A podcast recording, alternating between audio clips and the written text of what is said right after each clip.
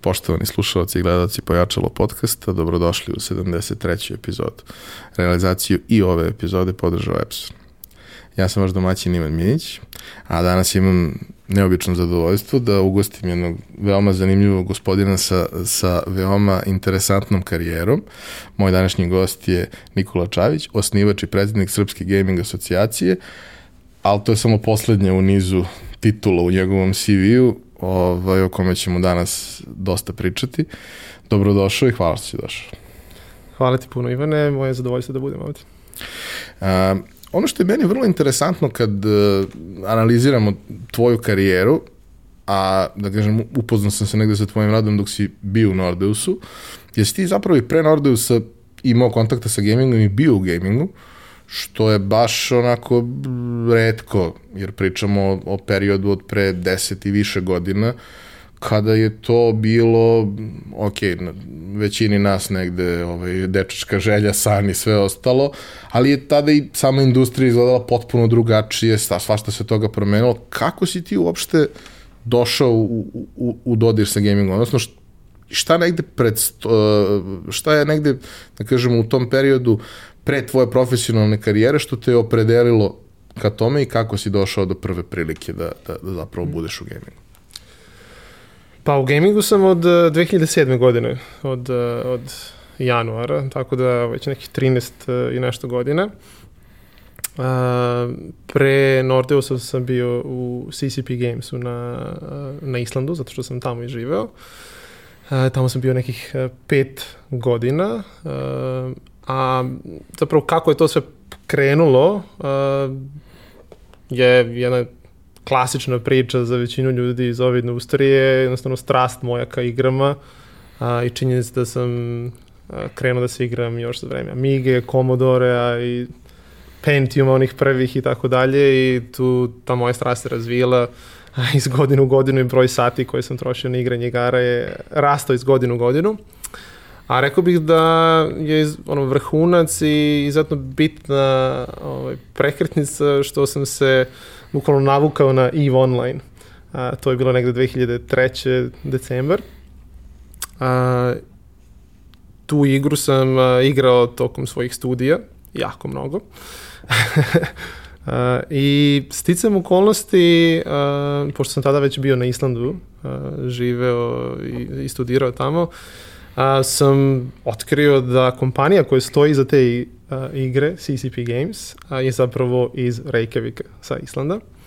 I tako pri završetku studija sam došao na tu ideju iz te neke moje strasti i ljubavi ka toj igri, da se obratim kompaniji, da ih kontaktiram i da pitam da li postoji neki način kako bih ja mogu da se uključim u tu priču. Uh, meni je iskreno tada na umu bilo da budem neki game master, zato što uopšte nisam razmišljao da to može da bude karijera za mene, da je to neki put e, razvoj i tako dalje, nego bilo je čisto onako iz ljubavi, razmišljao sam daj nešto da se priključim tu, da radim vikendom, da odgovaram neke etikete, da mogu da kažem da sam ja deo te priče. A, međutim, zbog, e, i zbog mog obrazovanja, pošto sam studirao ove, između ostalog biznis, a, i marketing um, i zbog znanja i poznavanja te igre i, i community i online, kada sam došao na taj prvi razgovor sa njima, oni su odmah prepoznali da postoji mnogo bolja uloga za mene, a to je u njihovom marketinškom timu.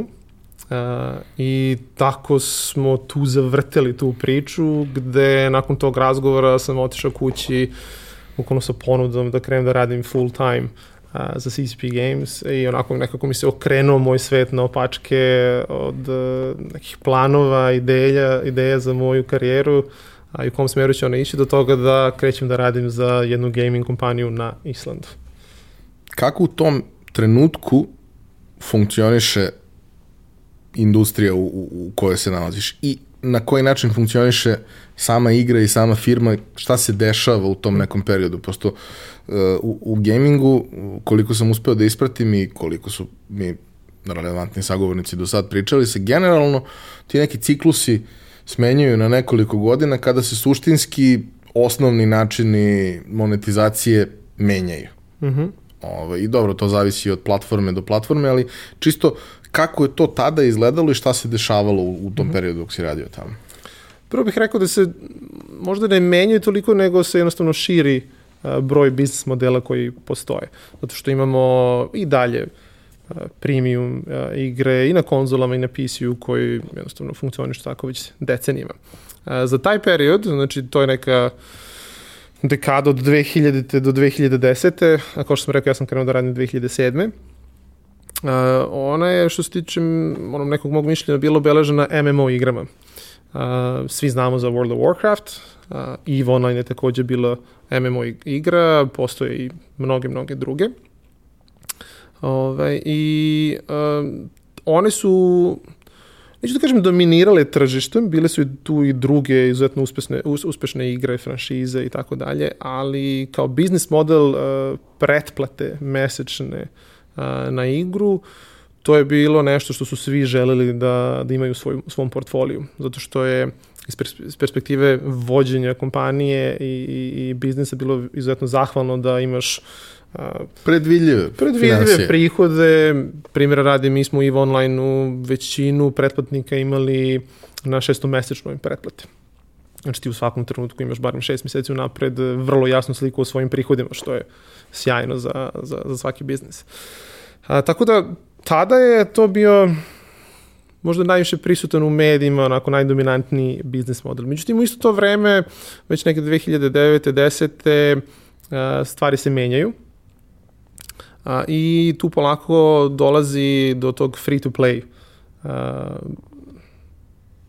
tržišta, ekspanzije tog biznis modela i na PC-u, ali pre svega na Facebooku, a posle i na mobilnim platformama. A, I tu se zapravo otvara to neko potpuno novo polje koje je obeležilo sledeću a, dekadu od 2010. pa evo do, do danas. A, postoji taj jedan moment, ja sam uvek izbegavao da igram uh, MMO igre iz razloga što sam pre 25 godina instalirao StarCraft, seo, igrao 18 sati i rekao neću više nikad da sednem i nisam više nikad seo. Okay. A, ali vrlo je karakteristično kad, kad pričaš sa ljudima koji, koji to igraju i koji igraju to godinama, konkretno najviše Warcraft, okay. ja sam malo ta starija generacija već za, za, za pojam gamera i većina mojih prijatelja su ta neka stara škola što se toga tiče. Ono što je meni posebno interesantno je zapravo ono, količina vremena koju ti ulažeš u sve to i koliko dugo to traje i koliko je zapravo teško napraviti nešto što će ljudima biti toliko dugo interesantno. Mm -hmm. Jer obično onaj taj period poluraspada ovaj, kod većine igara nije preterano dug ok, ima slučajeva gde, gde, gde to može da traje godinama, mislim, i ja Top 11 igram godinama već, zato što mi ne oduzima previše vremena, ali kada bi se posvećivao tome nekoliko sati dnevno, ne verujem da bi nešto izdržao baš, baš toliko dugo. Šta je, šta, šta je negde priča, kako se uopšte postavlja priča za nešto što, je, što, što treba da bude dugoročno, a opet vrlo intenzivno i, i mhm. zahtevno? Pa mislim da je tu ključna stvar e, građanje takozvanog community-a. Zato što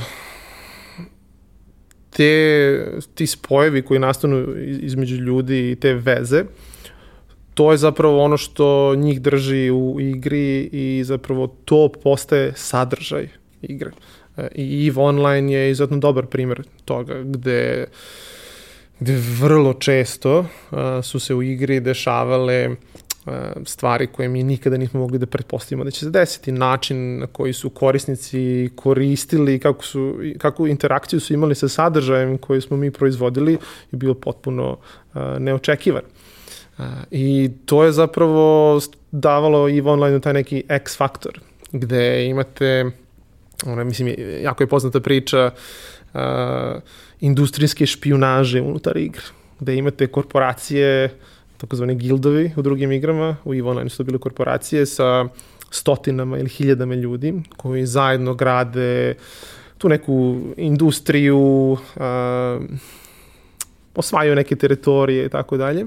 I to je jedan dugotrajan naporan proces i onda konkurencija kreće da da poseže za nekim potpuno novim metodama o kojima nikada nismo razmišljali, da bi se takmičili sa, sa njima u igri i kreću da unajmljuju mercenaries, da stvore neke nove naloge, da infiltriraju se u te druge korporacije, da im postanu prijatelji. Jedan od, ono, The Great Haste of EVE Online je jedan od najboljih primjera gde je jedan čovek zapravo devet meseci se pretvarao ovaj, da je neko drugi. Uh, bukvalno je krenuo od najnižeg nivoa u toj korporaciji i radio najosnovnije poslove i pritom bio izuzetno aktivan, to je radio po 5, 6, 7 sati dnevno.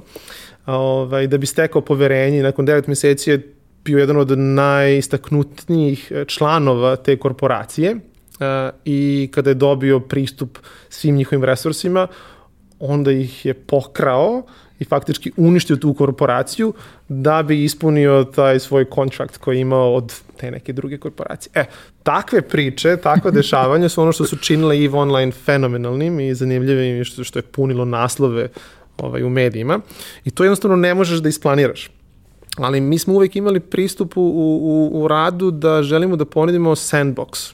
Znači, kutiju sa peskom i da ti damo neke alatke, a na tebi je šta ćeš ti da napraviš od tog peska. Da li će to da bude neki zamak, da li će to da bude neki tunel i isto ostavili smo priliku nekom drugom da dođe da sruši taj zamak.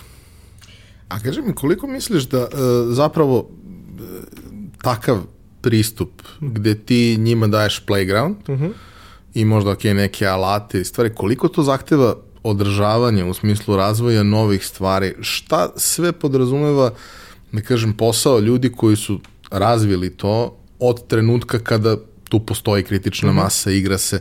Koliko tu ima novih stvari, koliko se tu ovaj koliko je tu intervencije sa strane onih koji su igru napravili da ona mm -hmm. ostane interesantna ljudima. Izuzetno zahtevno. I što je veći i kompleksni svet, to je zahtevnije. Mi smo imali uh, redovne uh, ne znam kako se to kaže, content update-ove uh, za, za EVE Online na šest meseci, nekada i češće.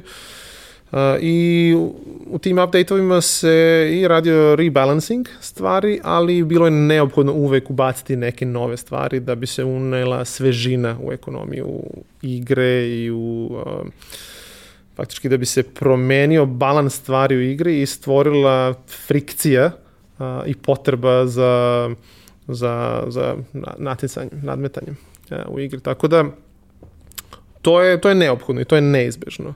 A, I to je zapravo, mislim, ako pogledamo a, današnje igre, free to play, to je taj takozvani live ops, znači sve što spada u to kada se igra objavi, to je izuzetno zahtevno i to zapravo utiče na to koliko su igre uspešne od trenutka kada se objave, jer uh, ljudi generalno vrlo brzo konzumiraju sadržaj i ti ako ne dizajniraš svoju igru dovoljno dobro i ako se ona isključivo oslanja na, na, na to da ti moraš da proizvedeš sadržaj da bi ljudi ostali u igri, onda upadaš u taj neki začarani krug, takozvani content treadmill, koje je jako teško ispratiti i zato većina kompanija, naravno onih većih koji imaju više resursa, teži ka tome da pobegne od toga i da zapravo stvori taj neki sandbox gde igrači sami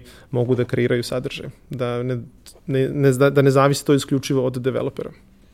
Nikad neću da zaboravim jednu situaciju koja se desila u nekom mom krugu prijatelja pre deseta godina, kad je bio aktualan Conan.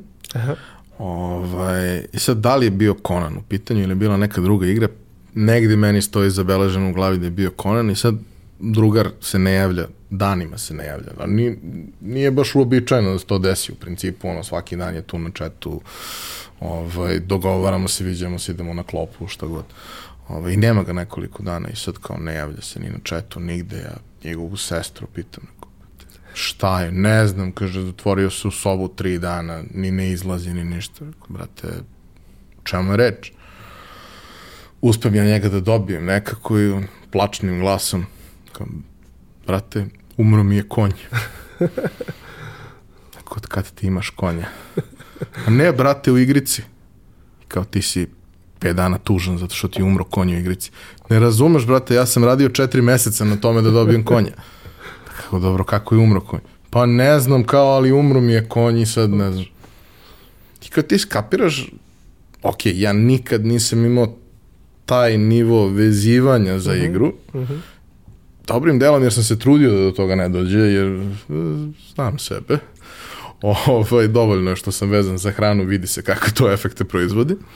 Uh, ali kao za značajan broj ljudi je to veoma važan segment njihovog života i te veze, taj ono kao relationship sa uh mhm. igrom i sa zajednicom koja je tu, traje godinama i ok, s vremena na vreme opet dođe nešto novo, dođe nešto zanimljivije, pa preuzme primat i tako dalje, ali kao to su stvari koje traju godinama i ja imam slučaj, moja dobra prijateljica se udala za čoveka mhm. koga je upoznala u igri i žive zajedno, imaju dvoje jako simpatične i smešne dece i kao ono, kako si znala da je to to, pa kao znala se, mi smo provodili po, ne znam, 7 sati dnevno, dve godine zajedno i kao, da, može da bude mnogo strašno razočarenje kad skapiraš da ljudi s kojima pričaš nisu onakvi kakvima se predstavljaju, a zapravo, ako jesu, to je to. To može da bude mm. sasvim neka vrlo ozbiljna priča. I sećam se, ovaj, taj drugar kad je imao taj svoj klan, ako se to tako zove ovaj, u, u, u, u Konanu, imao 90 ljudi iz celog sveta. Oni su nakon što završe to se sedeli uveče, pričali o hiljadu jednoj stvari, ne znam, on je bio jedini odavde, imao je par ljudi iz Hrvatske, ovo ostalo su bili ljudi iz celog sveta koji su zapravo mimo igre jedni drugima pomagali oko gomile nekih stvari, napravile se razne neke tu veoma lepe priče, neki su čak i dolazili u, u posetu jednim drugima, nije baš bilo mnogo njih koji su dolazili ovde, valjda su bili prestravljeni, ali kao potpuno je neverovatno šta sve možeš da napraviš iako sam siguran da to nije ni malo jednostavno da dođeš do toga da tvoj proizvod bude toliko zanimljiv da ljudima postane toliko važan u životu. E, kako se tvoja priča sa Ivom e, završava i otkud to da se priključiš Nordeusu? Šta je bila tvoja neka motivacija u tom trenutku? Pa, nakon pet godina u CCP-u, to je bio neki kraj 2011. godine otprilike. Tada sam već živao na Islandu skoro 12 godina, sa nekim prekidima, ali 12 godina sam bio već tamo. Osetio sam potrebu za promjenom i što se tiče posla, ali i što se tiče ovaj, mesta gde, gde, sam, gde sam bio. Island i Reykjavik su sjajni u nekim aspekt, aspektima, ali su isto tako uh, zahtevni za život uh, u drugim. Tako da tada sam nekako bio otvoren za, za nove prilike. I ova, mislim, taj dolazak nazad, u, u, to je povratak u Srbiju i, i, i priključenje Nordeusu je bilo potpuno neočekivano.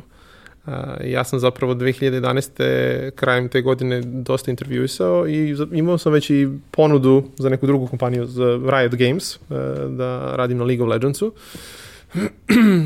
I to je bilo, bilo manje više to, to je odlučeno, selim se za, za Dublin. A onda potpuno a, nekom slučajnošću a, sam imao prilike da se upoznam sa Brankom i Milanom iz Nordeusa na jednoj konferenciji u Parizu. Uh, gde, gde sam držao neko predavanje, oni su videli moje ime, kontaktirali me, dogovorili ste da se nađemo, da popričamo i tu smo se nekako skontali, klik, kliknuli. Uh, ja sam se oduševio da postoji takva jedna priča, njima se očigledno svidelo to moje iskustvo, da ima neko naš sa takvim iskustvom i tu je pokrenut bio razgovor da, da im se pridruži. I ne znam zašto, ali uspeli, uspeli su da me ubede da ne prihvatim tu, tu ponudu tada za, za Riot Games te nedelje, nego da zapravo dođem u Beograd da upoznam ostatak tima. Uh, To je recimo bio utorak, ja sam već u četvrtku bio u Beogradu, a, mnogo mi se svidela ta priča. Ali moram da priznam da je najveću ulogu donošenju te odluke zapravo imao moj tadašnji bivši šef i moj mentor, Magnus, a, sa kim sam se konsultovao kada sam se vratio a, u Reykjavik a, oko svega toga i ko, sa kim sam onako analizirao tu čitavu situaciju koji me posavetovao da je Nordeus zapravo bolji i pametniji izbor a, za mene i za moju karijeru.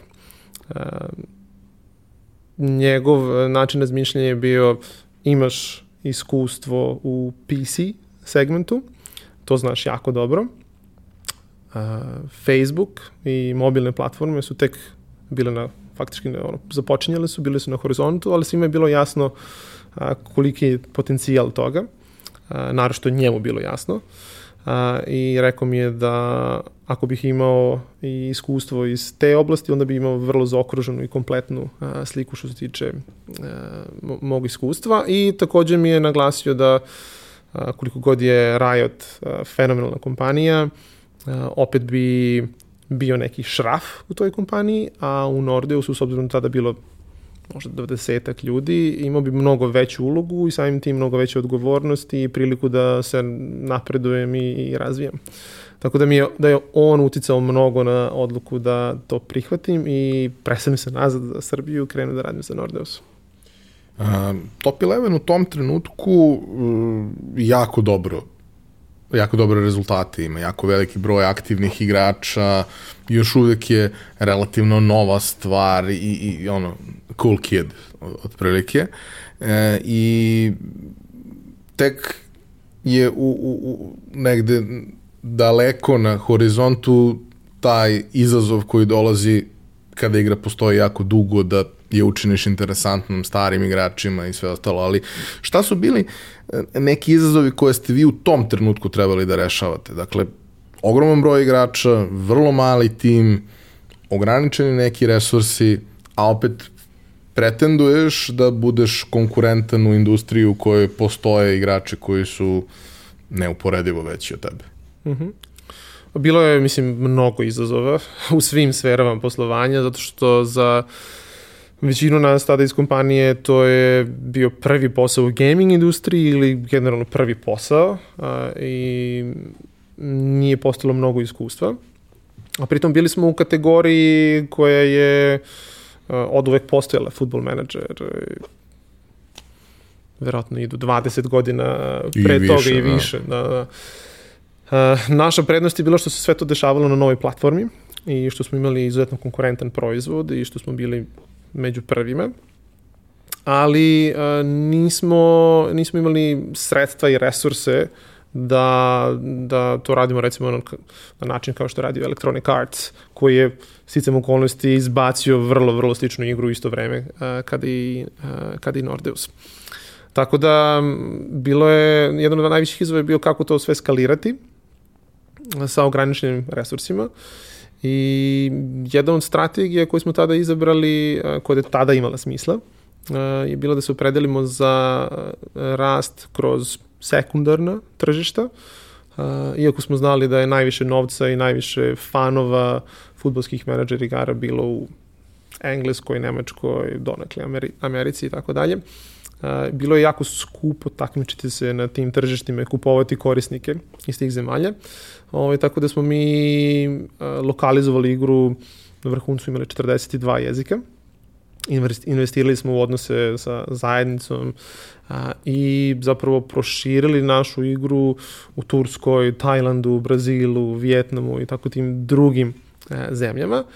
Tu smo došli do milijunskog broja igrača došli smo do, sakupili smo jako puno feedbacka, povratnih informacija kako da unapredimo igru i dobili smo tu neku skalu koju smo posle iskoristili da dođemo do korisnika na zapadu, jer a, u to vreme bio Facebook i manje više su svi gledali broj igrača a, i kada neko iz Londona je tražio futbolsku menadžer igru i imao top 11, sa recimo 5, 6, 7, 10 miliona aktivnih korisnika i neki drugi igre sa po 500.000 i milion, oni nisu razmišljali o tome da li su to korisnici sa Tajlanda, Vjetnama ili odakle dalje, nego su razmišljali ovo je najpopularnija igra, želim da igram nju.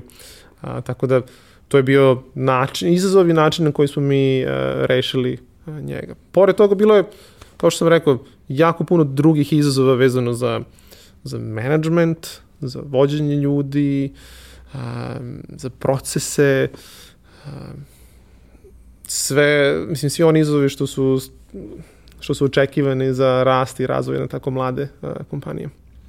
Ono što je posebno interesantno je zapravo kad kreneš u tako nešto, ti imaš isplanirano određeni set aktivnosti, određeni set stvari koje će se dešavati u različitim periodima igranja, ali to vrlo konačno. Mislim, kad krećeš, isplaniraš možda godinu dana, dve, i kad one prođu, tu najčešće dolazi do nekog zasićenja, do nečega. I mislim da je jedna od super stvari koju je donela ta masovnost koja je možda došla sa tih drugih tržišta ovaj, i to što je u početku igra ekstremno zanimljiva i sve vreme igraš protiv pravih ljudi koji prave greške koje prave pravi ljudi koji prave dobre poteze koje prave pravi ljudi dok kasnije nekako što više igraš uh, i, i to jeste ogroman izazov sa kojima se svaka igra tog tipa bori što više igraš to je manje tih nekih realnih protivnika, mnogo više botova koji popunjavaju prostor i onda vremenom nekako postane to sve manje zanimljivo. Ja se sećam trenutak koji je meni ono kao bio neću kažem razočarenje, zato što nije, ali kao, ako bi mogli da kažemo mikro razočarenje je, kao nabuđio sam stadion, konačno. I, kao, i sad šta? Pa ništa, kao to je to nabuđio sam stadion, nabuđio sam sve ostale zgrade, ja sam to uradio u sedmom nivou ili osmom, sad sam 56.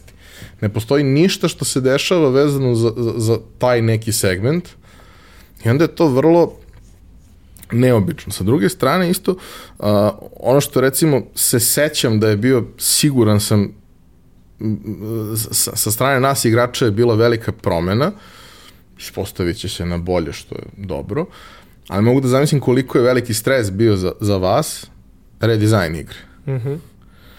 Kako je to izgledalo? Kako, kako izgleda kad se suštinski nešto na tom nivou menja da treba da uradiš? Mislim, redizajn igre je bio jedan dan vidiš jedno, drugi dan vidiš nešto potpuno drugo. To potpuno drugo je lepo, ali nije nešto na što si navikao. I naravno, nije 100% savršeno ispeglano, kako to izgleda, kako izgleda proces sa vaše strane, kao koliko je tu uh, odluka doneto na osnovu nekih podataka, ne na osnovu gut feelinga? I kako pripremaš situaciju za taj switch i kako hendluješ taj switch kada su korisnici u pitanju? Pa za jednu takvu odluku, mislim, imaš toliko faktora na koji moraš da obraćaš e, pažnju, ali ono čime smo se mi vodili jeste, e, zapravo postojala je od, od početka ta neka vizija da će ova igra da traje za uvek. I mislim, to je ono, svaka čast uh, um, timu koji je to osmislio na, na početku i koji je to tako postavio, zato što to je bila onako vrlo jasna vodilja. I top, originalni top 11 koji se pravio jednostavno nije bio napaljen na, na način koji je mogo da izgura recimo do 2020. godine. Mi smo to znali. A, tako da a, što se tiče arhitekture same igre i kako ona izgleda i kako se ponaša, mi smo znali da moramo da napravimo tu promenu. Tako da je sa tog aspekta relativno lako ovaj, doneta odluka. Uh, ali naravno da smo se oslanjali takođe na povratne informacije od korisnika, na koji način trebamo to, tu promenu da izvršimo i gledali smo u kom smeru ide tržište i konkurencija i neke druge igre koje su bile van naše kategorije koje ovaj, fičere i promene one uvode od kojih smo mi mogli to da, nešto da primenimo u top 11. I kolektivno to se sve skupilo u taj update, tu promenu. Ja mislim da to bilo negde 2014 ili 15. Tako, ima sigurno. Uh, mislim 2015. Početak te godine. I mi smo znali da će to, uh, kao što sam rekao, da naiđe na, iako je promena na bolje, da će naići na ogroman backlash od strane zajednice i to je se i desilo. Uh, zato što jednostavno nije moguće bilo zadržati sve stvari, niti smo želeli da zadržimo sve stvari. Postali su neki, neki aspekti igre koji smo hteli da eliminišemo, zato što su bili loši a ljudi imaju takvu prirodu kad mu nešto uzme što imao, oni će da se žale i da te pljuju bez obzira da li su to koristili, ne samo zato što si im ukinuo opciju da, da, da to imaju u igri. To je ono što se upravo i desilo i taj, uh, taj switch na novi top 11 nas je zapravo jako skupo košta u tom trenutku. Um, imali smo veliki broj korisnika koji su napustili igru, uh, posle su se oni uglavnom vratili, ali ako gledamo onako baš taj mesec, bio je vrlo vrlo stresan i traumatičan zato što radiš tako dugo na nečemu što je novo, što je bolje i čitav tim se trudi da to bude sjajno.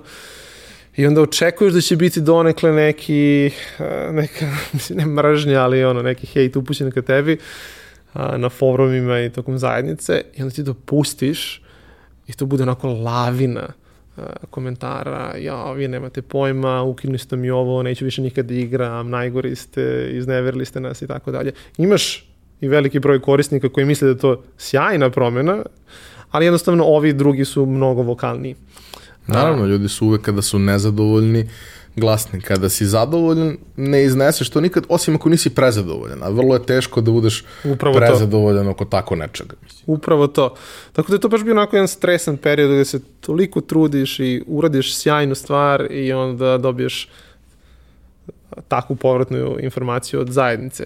Međutim, dobra stvar je što je to omogućilo da se desi narednih pet godina top 11 i da se ostvari uspeh kakav se ostvario i da top 11 evo 2020. godine nakon 10 godina na tržištu i dalje jedna od najboljih e, igara u tom žanru a, i da zapravo ta promjena koja je urađena tada omogućava dalji razvoj igre. Tako da dugotrajno apsolutno prava odluka. Ja se sećam, e, ne baš u tom periodu, nego recimo neki godinu dana nakon toga, e, je krenula priča kroz igru, prijavite se ako želite da budete beta testeri za neke funkcionalnosti. Ja sam se prijavio iz radoznalosti, jer ko, što da ne, mislim, ok, znam i foundere sve to u redu, ali kakve to veze ima, hoću probam, mislim, hoću da testiram, da vidim šta se tu dešava. I za nekoliko funkcionalnosti sam bio beta tester i kao neki su bile baš super i nisu završile u igri, jer verovatno je povratna informacija od ostalih ljudi bilo drugačije nego od mene, ali testirao sam i neke stvari koje su posle završile u igri. Koliko zapravo ima toga? Koliko stvari ti probaš na nekom malom uzorku i na koji način se u stvari tako nešto proba kada imaš zajednicu koja je, koja je ogromna? Uh, to se redovno dešava i to je ja mislim da je to neophodno. Znači, to je jedan od saveta koje bih dao svakome koji game development, zapravo ko bilo, bilo kome ko razvija proizvod za, za korisnike, da što češće testira i iterira. Ovaj, tako i mi u game developmentu smo imali te i fokus grupe i te neke radne grupe ovaj, gde smo delili sa beta testerima nekada sa prijateljima, nekada sa hardcore igračima iz igre, verzije igre, nekada su to bile samo ideje na papiru, nekada je zapravo bio prototip koji možda igraš. I gde tu pratiš razne ovaj, metrike koje prethodno definišeš, na koje želiš da utičeš sa tom promenom i pokušavaš da izmeriš uh, da li se to zapravo dešava ili ne. Uh, neke stvari možeš da kvantifikuješ, neke jednostavno su neopipljive, ovaj, i onda pokušavaš na, na drugi način da to sumiraš i vidiš da li ideš u pravom smeru ili ne. Um, u Nordeusu tome se ozbiljno ovaj, pristupalo, tako da je još, pa verovatno pre 5, 6, 7 godina uh, bio i oformljen tim uh, koji se bavi isključivo time. Znači, market research, testiranja uh, i to je se radilo izuzetno sistematično ovaj, i dovodilo do toga da stvari koje završe u igri uh, su bile podržane uh, tim podacima i iskustvom koji smo imali kroz, uh, kroz ta testiranja.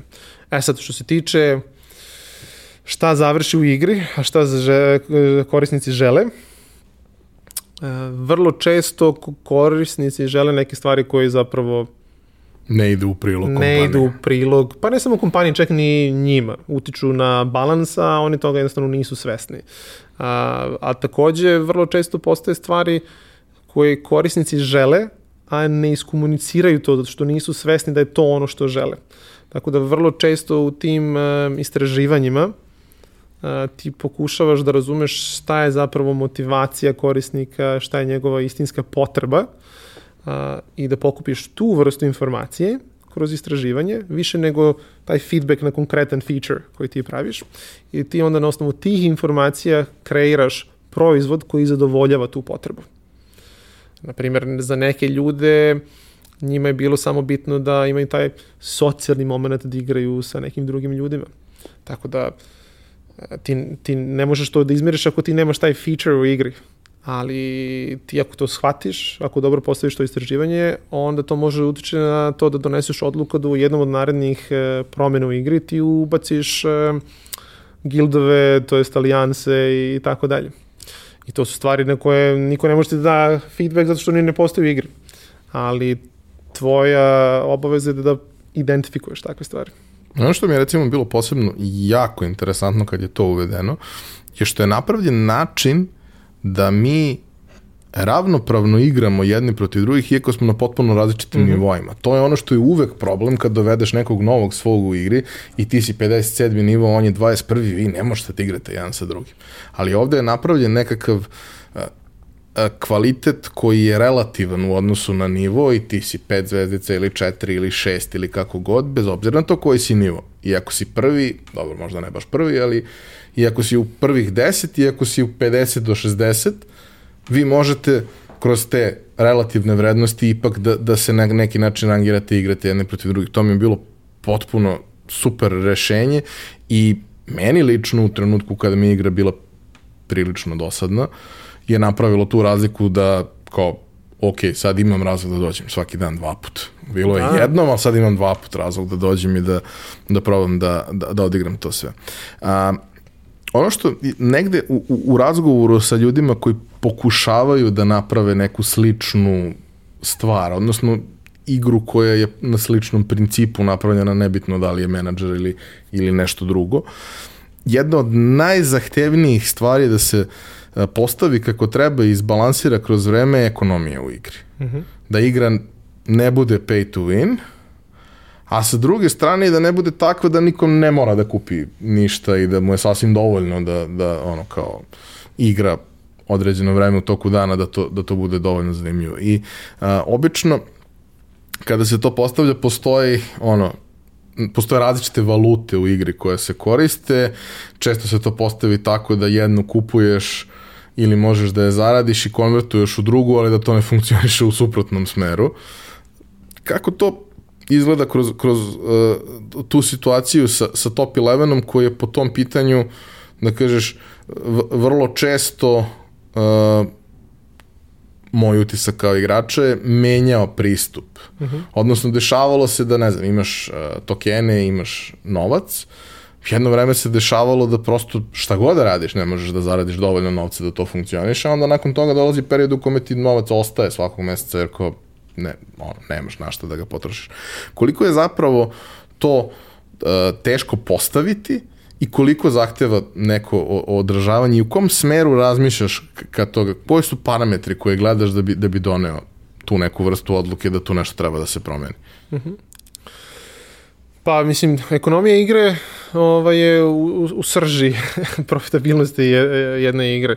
Ovaj, I naravno, postoji mnogo faktora tu. Generalno ono što gledaš jeste da e, način, to jest da u svakom trenutku si svestan svih izvora e, prihoda u igri, e, te e, valute koja je prisutna u igri i način na koji korisnici mogu da je potroše. Uh, I to želiš da balansiraš tako da korisnici imaju potrebu da, da kupe uvek dodatnu valutu da bi ti mogao da ostvariš neki prihod. E sad, ono što se desi, e, što može da naruši, naruši taj balans jeste uh, uvođenje novih fičera i novina u igri koji se potencijalno ne istestiraju dovoljno dobro ili jednostavno ne možeš ni da istestiraš na, ovaj, na tom nivou kao kad pustiš uh, u milionsku korisničku bazu i onda dođe do upravo tih situacija koji si ti opisao, da se ide iz toga da nemaš dovoljno, do toga da imaš previše. Ovaj, ali taj balans, to je nešto što čime se bave i product menadžeri unutar igre, i game dizajneri, i stručnjaci za monetizaciju i tako dalje. I vrlo je a, vrlo je a, zahtevno da se to uradi na, na, na dobar način. E sad, vezano za onaj tvoj komentar, malo pre ne želiš da bude pay to win, a istovremeno da se ljudi ne provlače igrajući potpuno besplatno. To isto jako mnogo utiče na, na to kako ćeš da dizajniraš tu ekonomiju. I činjenica je da imaš jako puno uh, kompanija, naravno malih uh, i srednjih, koji se boje da postanu pay to win zato što žele da budu korektni, žele da zadovolje sve i tako dalje.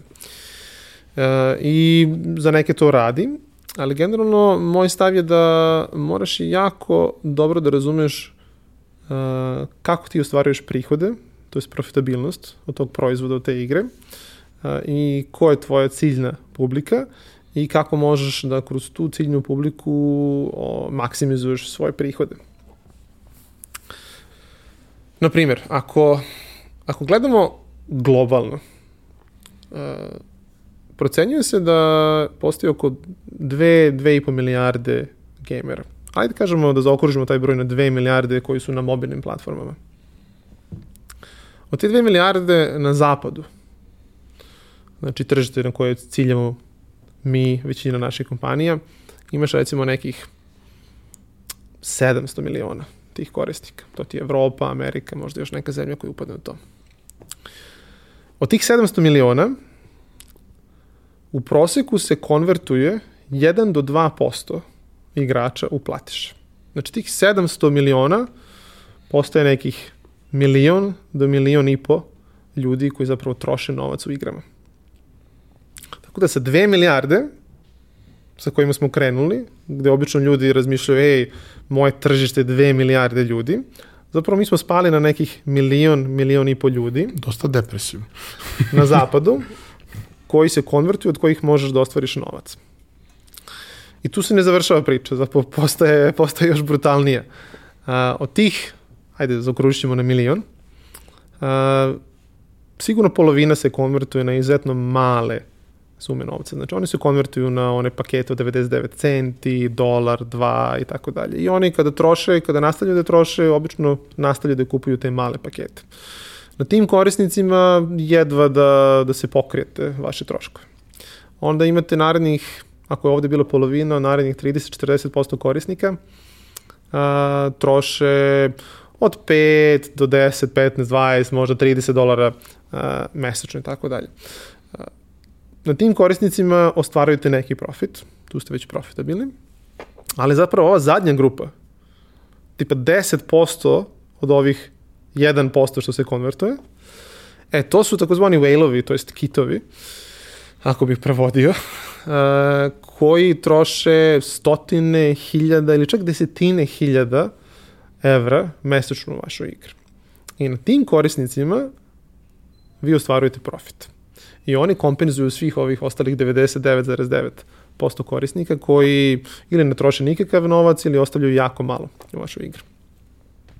Tako da, tu već dolazimo 10% od ovih, mislim, znači tu dolazimo do jako malog broja korisnika. Potencijalnog broja korisnika koji će trošiti neku značajnu količinu novca. Da, da, da. Zapravo napravio sam grešku ranije, računao sam a, To je bilo 10 miliona, znači ovih korisnika ima možda oko milion u svetu. Znači pera ima oko desetak miliona, ovih ima oko, oko milion, ali milion za sve kategorije. Što znači za vašu, za tvoju neku kategoriju u kojoj se ti e, takmičiš, tu možda ima 10 do 20 hiljada takvih ljudi na zapadu. I to je tvoja ciljna grupa. I ti kada praviš, uh, dizajniraš igru i kada praviš ekonomiju igre i kako ćeš da monetizuješ, ljudi uglavnom monetizuju za, uh, uglavnom prioritizuju ili nekako pravi igru za sve, ali zapravo ono što ja mislim da treba da se radi ili da se posveti mnogo više vremena tome nego što je slučaj danas, jeste da se optimizuje za tih 10-20 hiljada. Zato što njih imate šansu samo jednom da ostavite pozitivan utisak na njih i da ih zadržite u igri. A, I kada već dođu, morate da uradite sve što možete da je proizvod dizajniran tako da će oni želiti da ostanu i da potrše taj novac u vašu igru i učine vašu igru profitabilnom. I da troše to kroz neki duži vremenski period. Da. Ali e, vrlo je teško, opet, stvar je sa mnogo balansa, na različitim mestima mnogo balansa. Vrlo je teško napraviti igru koja će da bude interesantna dovoljno velikom broju ljudi, da kada dođu ti ljudi oni imaju s kim da igraju, a, a da sa jedne i sa druge strane, da kažemo, budu ispunjeni svi ciljevi. Posebno interesantno, kao što si rekao, Top 11 se širio na tržištima koja nisu preterano platežno sposobna. Pa opet i od tih tržišta negde može da se živi, samo što drugačije potpuno postavljaš matematiku. Da li će neko da potroši 100 dolara u, u, u igri koja mu je veoma bitna i igra je po ceo dan ili 200, u Americi je to potpuno neka normalna, uobičajena stvar, ne predstavlja, niti taj trošak predstavlja nešto značajno, to je ono, jedan ručak. E, ali na tržištu Srbije, na tržištu Brazila, na tržištu Vijetnama, te stvari se drastično menjaju i tamo je to mnogo manje dostupno.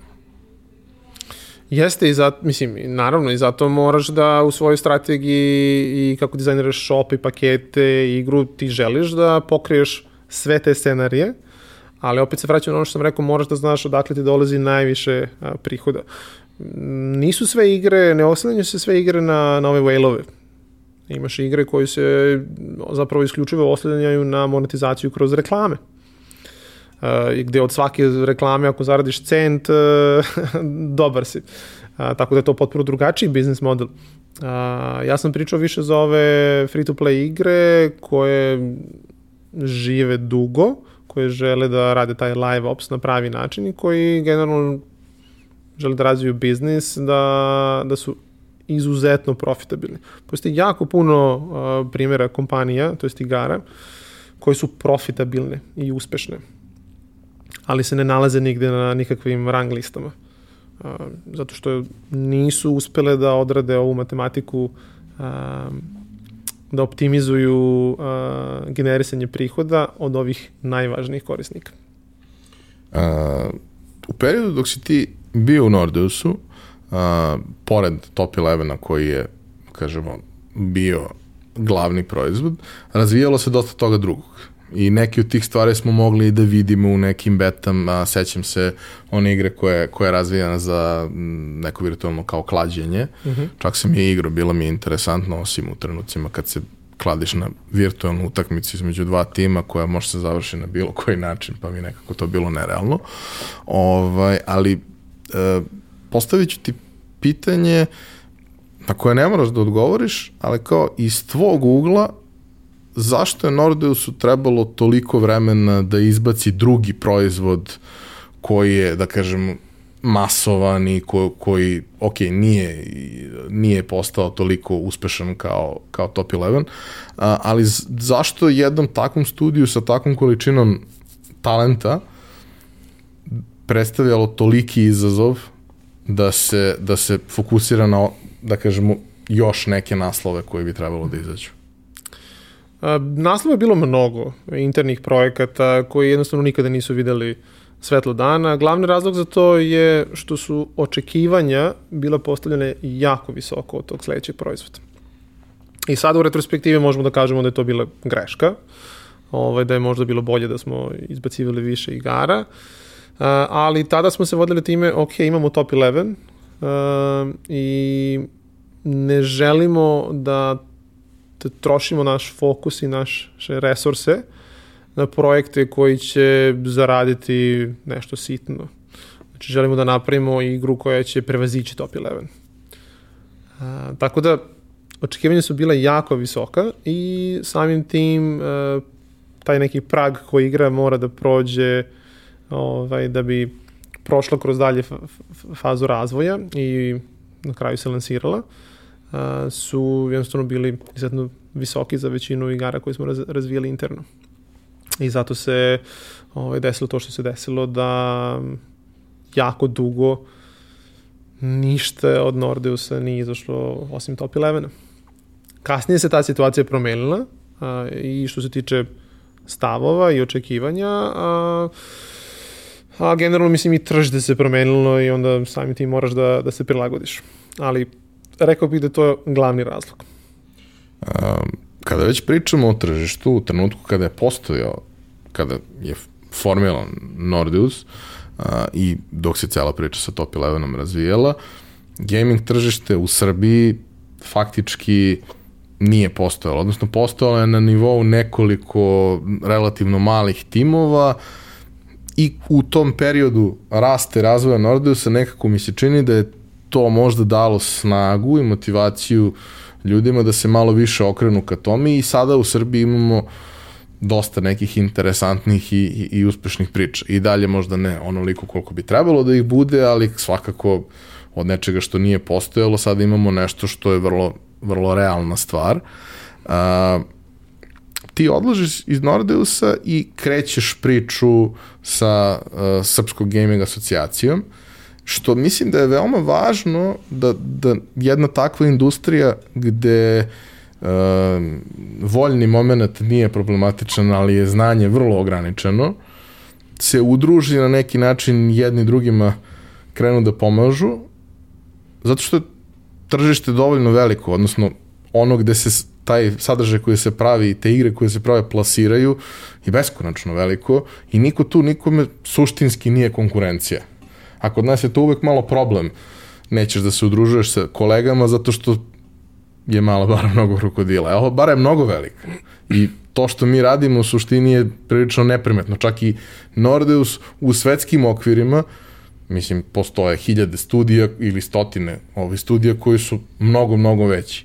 A, kako si došao na ideju da to napraviš i šta su ti bili neki startni ciljevi od kojih si krenuo?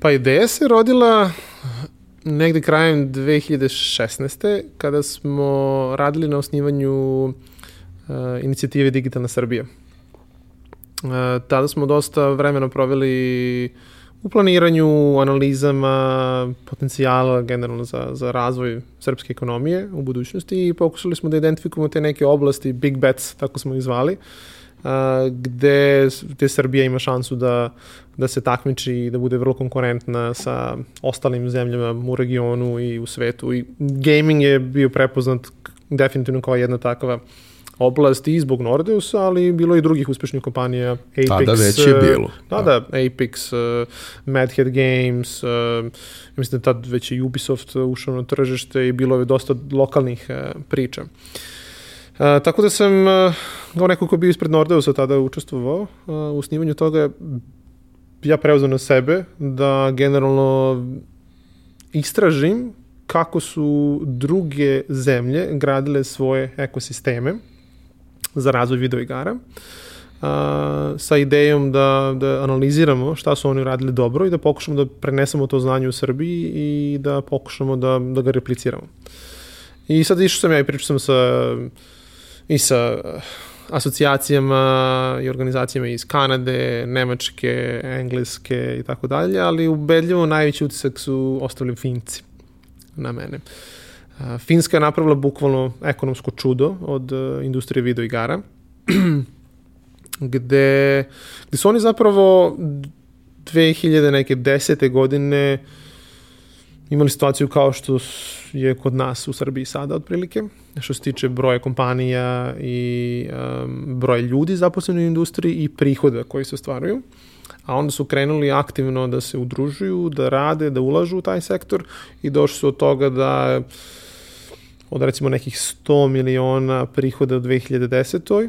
dođu do toga da imaju 2,5 milijarde u 2017 znači skok nekih 25 puta u roku od 7 godina, 7-8 godina, što, što je stvarno fenomenalno. Supercell je naravno odigrao izuzetno veliku ulogu u tome, ali bili su i druge kompanije. E, Tako da sam ja došao sa, i tamo sam imao prilike da, da pričam sa svim tim ljudima koji su pokrenuli i te kompanije i koji su se udružili da naprave te asocijacije na nivou Finske i ta, te pokrete, udruženja, meetupove i oni su vrlo otvoreno i transparentno pričali sa mnom koja je vrednost toga i kako je ulogu to igralo za sve njih, što su oni tada bili na početku ovaj, tog, tog uspeha. Tako da sa tim znanjem a, s, i bukvalno inspiracijom, ja sam bio oduševljen a, kako su oni to radili, sam došao u Srbiju i krenuo da kontaktiram lokalne a, timove i kompanije. A, znao sam nekoliko njih tada, ali s obzirom da je moj fokus bio uglavnom okrenut ka inostranstvu, zapravo uopšte nisam imao ideje a, ko se postoji u Srbiji, ko se bavi ovim poslom, tako da sam krenuo da kontaktiram neke od tih najvećih i a, zapravo su se svi odazvali a, i rekli da je to sjajna ideja, da vide vrednost u tome i to je bilo jako hrabrujuće da na takav stav a, najđem u Srbiji, zašto sam bio skeptik. A, međutim, sve su to neki sjajni ljudi a, i svi smo prepoznali da, kao što si rekao, jesmo mi donekle konkurencija jedni drugim, ali ova industrija je toliko velika i toliko brzo se razvija i toliko je velika konkurencija van Srbije da ako se udružimo na neki način, svima će nam biti bolje, svi ćemo biti konkurentni na globalnom nivou umesto, to da ga, umesto toga da se takmičimo ovde u Srbiji. Jedina stavka koja će zauvek biti ovaj, e, mislim, ne znam da kaže neka prepreka, ali neka boljka koga, koja pogađa sve kompanije ovde jeste talenat Naravno, koji se nalazi u Srbiji, za koji se svi uh, oni bore. Ali van toga, što se tiče korisnika, um, apsolutno um, you know, fair game i svi mogu da kroz deljenje znanja budu konkurentni i bolji na globalnom nivou. Tako da tokom neke, aj kažem, 2017. godine mi smo vodili te razgovore, pričali, planirali i onda smo objavili konačno tu našu ideju i predstavili organizaciju um, javnosti početkom 2018. godine. Tako da SGA sada uh, ima već neke dve godine uh, i jako smo ponosni na sve što je ostvareno. I hteo bih da naglasim da Uh, ja, ja sam možda na početku to pokrenuo, ali to apsolutno ne bi moglo da se dogodi bez podrške svih ovih kom kompanija koji su učestvovali i ljudi koji vode te kompanije na početku. Uh, i bez uh, Kristine koja sada radi kao uh, menadžer u asocijaciji i mnogih, mnogih drugih ljudi i zajednice i naših partnera koji su omogućili da se to sve desi. Uh, danas SGA ima preko 70 članova, što je za mene uh, jedno od najverovatno iznenađujućih činjenica, zato što kada sam ulazio sve ovo, očekivao sam da će možda biti dvadesetak. Zapravo ovde postoji preko 70 kompanija koje se bave ovim poslom i nisu svi game developeri. To je isto jako bitno. Mi ovde imamo a, dosta kompanija koje se bave proizvodnjom usluga ili nekih proizvoda koji se koriste za razvoj videoigara ili marketing tih videoigara i plasiranje i tako dalje što je sjajno, zato što to znači da imamo ekosistem. Nismo neka outsourcing igra koja, koju može, outsourcing zemlja koju možeš da unajmiš da ti napravi igru, nego zapravo imamo čitav ekosistem i, i ljude koji umeju da naprave igre, umeju da ih servisiraju, da ih plasiraju i tako dalje. Tako da, mislim da situaciju u kojoj sada nalazimo je veoma ohrabrujuća. Mislim da je dosta bitno za, za taj moment ovaj, dobrog setapa cele priče to što si se oduševio finskom, koje je relatable.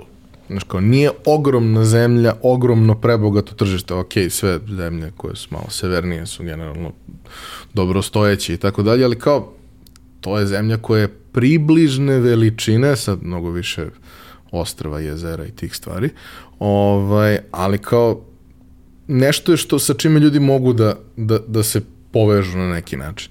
A, sa druge strane, nekako mi se čini da upravo postojanje asocijacije omogućava da ti ljudi za koji verovatno u velikom broju slučajeva jedni za drugi nisu ni znali, sada mogu da naprave neku saradnju i naprave neki rast. I da, pool talenta je vrlo ograničen, ali taj pool se širi zato što sada postoji šira svest o tome nego što je na nivou uh, jedne firme. Mislim, mi smo imali i pre nekoliko godina priču kao imaš gaming kompaniju koja ima 450 zaposlenih u Srbiji. Okej, ali nije to jedna, druga, treća, nego je to sad već nešto dosta veće i imaš ih i od deset koji rade neke interesantne stvari i od tri, a imaš i te neke velike, imaš izbor, ima mnogo različitih stvari na koje kad vidiš dobar akvarijum i u njemu ima svašta nešto šareno. Možeš da izabereš šta je nešto što, što tebi odgovara i, i moj neki utisak iz priče sa svim tim ljudima da su oni zapravo prilično prilično otvoreni i da posavetuju i da popričaju, jer kao ljudi mi smo napravili neki rezultat, to što ćete vi sa nekom potpuno desetom igrom da napravite isto neki rezultat, nas suštinski ne ugrožava. Ok, možda ćete vi da ojačate, pa ćete moći da date bolje plate, ali nije to, mislim da, da ono, kao taj moment je već mm -hmm. dosta dalje u, u celom procesu. A, volao bih pomenuo si da, da, da ima 70 članova. A, koje su neke posebno interesantne priče za koje možda ne znaju svi ljudi? Kod nas, okay, za Nordeus svi znaju, za, za Apex, za Mad Head Games verovatno zna neki veći broj ljudi, odnosno sad više nije Apex nego Playrix lokalno, ova, ili, ili Ubisoft, ali koje su neke onako posebno interesantne priče na koje si naleteo, koje su i tebe negde ono kao iznenadile i oduševile? Mm. Pa ima ih dosta i onako razbacene su kroz, kroz Srbiju. A, ne znam, u Beogradu uh, Tu Desperados uh, svakako je ostvario ogroman uspeh. E, oni su, ja mislim, duplirali kompaniju u zadnjih godinu dana uh, i rade jako, jako dobre stvari. Uh, jedan od tvojih gostiju, Igor i Demagog studio, Uh, oni nisu ostvarili takav komercijalni uspeh, ali imaju neki svoj X faktor, neki svoj edge. Uh, vrlo su uh, zna se za njih uh, u svetu tim određenim kategorijama koji prate takve stvari, takve igre i očekivao bih od njih u, sa nekim od narednih igara da, da ostvari komercijalni uspeh. Uh, pored njih uh, imamo u Beogradu Ebb uh, software, uh, momci koji rade na Scorn, igri. To je onako dosta tajnovit projekat, ali skoro su imali uh, jedan trailer reveal na, uh, mislim sa Xboxom da je bio događaj, uh, gde su objavili tu igru na kojoj rade. A onda imamo neke manje timove, uh, kao što su um, ne znam, recimo i Boga Studio. Uh, oni, oni prave igre za mobilne, zapravo jedna ex, ex Nordeus ekipa.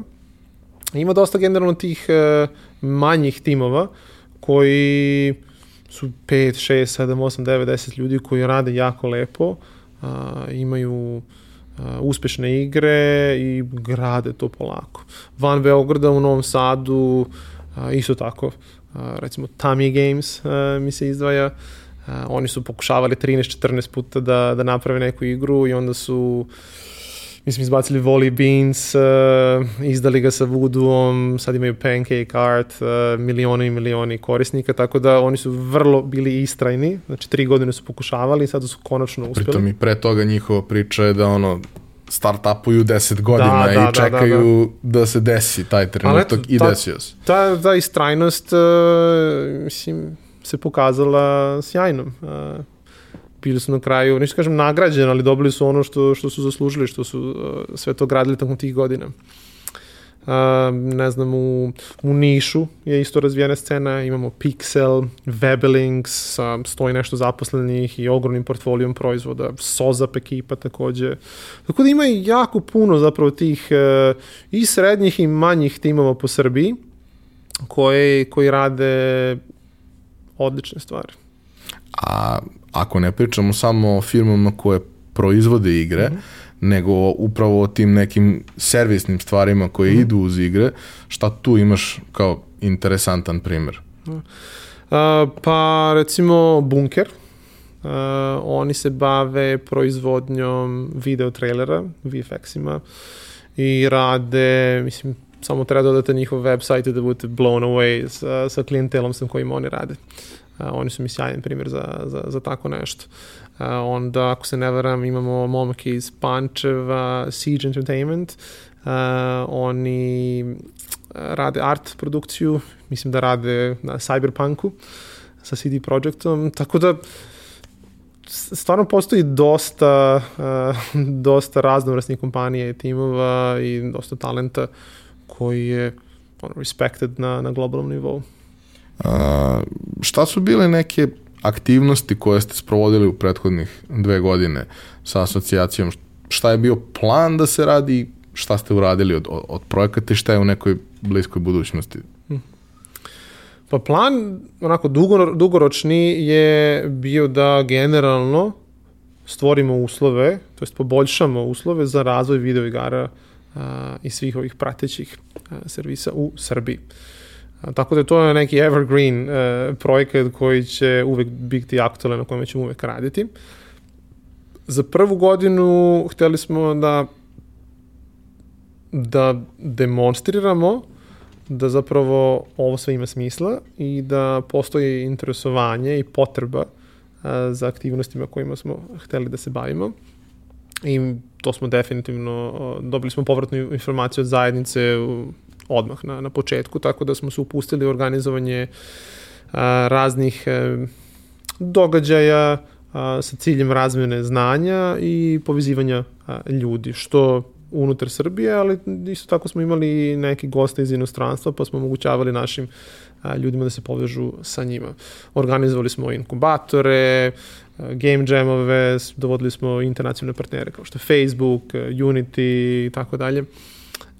Imali smo razne sesije, Ask Me Anything, mentorstva sa određenim ljudima. Tako da onako, pokušali smo da okupimo zajednicu, i do sada smo organizovali nekih 40 događaja kojima je prisustvovalo nekoliko hiljada ljudi ukupno. Pored toga radili smo i nastavljamo da radimo na projektima koji nisu tako vidljivi u javnosti, a to je rad na stvarima kao što je izmena obrazovnog sistema, da se prepozna industrija videoigara i zapravo zanimanja unutar te industrije kao relevantna, da se isprate na, u obrazovnom sistemu, na, u srednjim školima, na fakultetima i tako dalje. Pa smo onda generalno predstavljali tu industriju kada se razmatra o podsticajima, uslovima i tako dalje u, radu sa, sa predstavnicima vlade i ministarstava. Radili smo dosta na brandingu i pozicioniranju ovog sektora u inostranstvu. Pravili smo taj godišnji izveštaj koji smo slali investitorima i publisherima, uh, pa su nas onda i primetile organizacije kao što je Startup Genome Report uh, i neki drugi uh, mediji koji su o svemu tome pisali uh, sa oduševljenjem.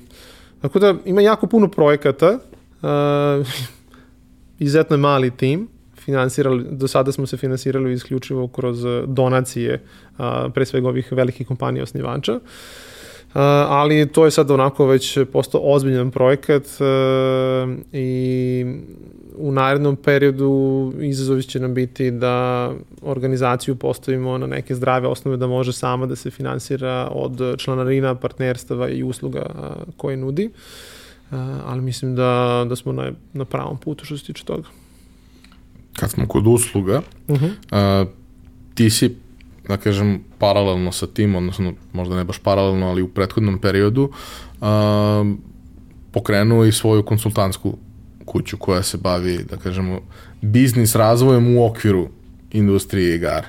A, jasno je koja je motivacija, to je sve ok, a, nego prosto a, sa kojom idejom krećeš u tu priču a, kada je u pitanju tržište kome se obraćaš, zato što tvoje iskustvo je takvo da suštinski nije bitno odakle ti je klijent, možeš da radiš sa, sa bilo kim i ono kao živi lokalno, radi globalno i sve što uz to ide. A, kako si ti to sebi postavio kada si, kada si pravio plan? Uh, pa ja, ja sam sa Nordeusom završio 2018. godine u oktobru. Uh, Pre toga, znači to je bio jedan proces u kojem sam ja razmišljao o odlasku i pokretanju nečeg novog. Tada sam već bio skoro nekih sedam godina u Nordeusu, jednostavno osetio, osetio sam da je vreme za, za, za promenu. Um, hteo sam da ostanem u Srbiji. To je bio jako važan faktor, Uh, hteo sam da ostanem u Srbiji i jednostavno nisam osjećao da postoje neke alternative gde bih mogao da se zaposlim, gde bih imao podjednako izazovan posao kao što sam imao u Nordeusu i onda sam shvatio ako želim da ostanem ovde, moram da sam pokrenem neku priču koja će mi omogućiti da radim na zanimljivim projektima i šta bolje nego uh, konsultantska uh, kuća koja zapravo sarađuje, kao što sam rekao, sa klijentima iz čitavog sveta. Tako da je to bilo onako relativno uh, straightforward. Relativno straightforward, onako jasna odluka da je to pravi put za mene. Uh, I ispostavili su da, da je bila dobra odluka. Uh, to je nastalo jako lepo da se razvija, sad već imamo tim od nekoliko ljudi uh, i sarađujemo uh, interesantno je, mislim, nisam očekivao tada, sarađujemo i sa nekoliko kompanija ovde, iz, konkretno iz Srbije i iz uh, regiona, ali cilj nam je svakako bio i očekivanje da da ovo bude neka globalna priča i mislim mi već sada imamo klijente iz čitavog sveta, tako da očekujem da će to procenat tih internacionalnih klijenata biti mnogo, mnogo veći u budućnosti. Ako bi trebao da na neki način mapiraš najčešći tip usluge -huh. koje, koje ljudi traže od vas, šta bi to bilo? Pa to su, da kažemo, tri stvari, tri oblasti. Uh, jedna oblast je konkretno sa kojom ja najviše uh, radim, to je rad sa, sa vlasnicima kompanija uh, i strateško njihovo savjetovanje, gde radim sa vlasnicima i faktički da pomažem im da donesu bolje odluke brže koristeći moje iskustvo, poznanstva i sve ostalo. Pored toga pomažemo pre svega manjim timovima koji vrlo često rade na svom nekom prvom ili drugom projektu koji, za koji nemaju sredstva da ga, fin, da, da ga finansiraju. Pomažemo im da dođu do pravih ljudi, do partnerstava, to jest do publishera ili investitora koji će finansirati taj projekat i posle ga plasirati globalno. A onda treća oblast koju na kojoj smo se ovaj, fokusirali jeste sve vezano za monetizaciju samih igara, pre svega na reklame, gde pomažemo uspešnim kompanijama koji nemaju tu ekspertizu unutar kompanije da maksimizuju svoje prihode od, od reklama u igrama. I tu imamo nekih desetak klijenata širom sveta. Vrlo zanimljivo i mislim da je preko potrebno, posebno lokalno gde jednostavno tih stvari, znanja o tome i dalje nema dovoljno, a naravno vrlo interesantno i za e, dobro mesto na tržištu da budeš spona za mali i srednje sa jednim stvarima, a sa drugim stvarima da dolaze u obzir neki, da kažemo, srednji, veći, možda, možda veliki. Tako da, dosta dobar portfolio, vrlo sam zadovoljan odgovorom. A, hvala ti što si podelio ovu priču sa nama. A, mislim da je i tvoja lična priča vrlo interesantna, ali sa od, odrastanjem tebe u Srbiji kao eksperta, faktički odrasta i ovo tržište i te nekako stvari se prilično prožimaju. Tako da mislim da ovaj, je to dosta dobar pokazatelj uh, svima koji ovo slušaju da su neverovatne stvari moguće da se dese kroz jedan vremenski period koji nije zapravo predug, ne deluje uopšte toliko, toliko nedostižno. Što kreneš sa nekim relativno malim stvarima, ali za sedam godina se akumulira toliko toga da jednostavno ne možeš da ignorišeš nešto tako. Apsolutno. A, hvala ti što si bio. A, voleo bih ovaj, da za par godina ponovim ovu priču sa nekim još a, a, lepšim rezultatima. Vrlo često kod nas postoji taj moment da se zapravo ne zna za neke sjajne priče do onog trenutka dok ne dođe neko i a, ne kupi tri late, na primer, na primer. Ovaj, ali da zapravo postoje gomila tako nekih sjajnih ljudi, ja se sećam pre x godina negde ovaj, blizu RTS-a je bila ekipa koja je radila neko 3D skeniranje objekata, likova koji su to opet prevodili u nešto treće. Ne znam da li je to bio neki početak ovoga ili je nešto, neka priča za sebe, ali kao, znaš, u, u zgradama oko nas, stanovima koje se rentaju kao kancelarija se dešavaju neverovatne stvari, a mi koliko god da smo u industriji nismo toga svesni uopšte. Tako da se nadam da će više tih priča biti u, u, u situaciji da se osjeća dovoljno bezbetno da promoli glavu i kaže, e, i mi radimo nešto čudno i neobično dođete da vidite. Kao Igorova priča. Ja sam Igora potpuno slučajno upoznao na, na nekoj konferenciji gde sam bio sudio, odnosno obojica smo bili i kao tad sam rekao sebi kao ko je ovaj čovjek? Za, zašto, zašto ovo izgleda ovako dobro i zašto je cela priča kao da da to se radi na jedan određeni način, onda je on uzeo i uradio to potpuno suprotno i to je i dalje napravilo svoj rezultat, dalo neki odjek u, u celoj toj priči. Tako da kao, znaš, postoji the usual way, a što više imaš i onih koji to rade na neki drugačiji način, oni nekako oslobađaju i drugi da razmišljaju o tome da prosto ne mora sve da bude uvek potpuno isto, može da bude i malo drugačije. Uh, nekako mi se čini da tih prethodnih deset godina su doneli uh, liberalizaciju gaming industrije na način da sada i ti i ja i neko ko ima 14 godina i loži se na to, možemo da zamislimo sebe da imamo svoju igru.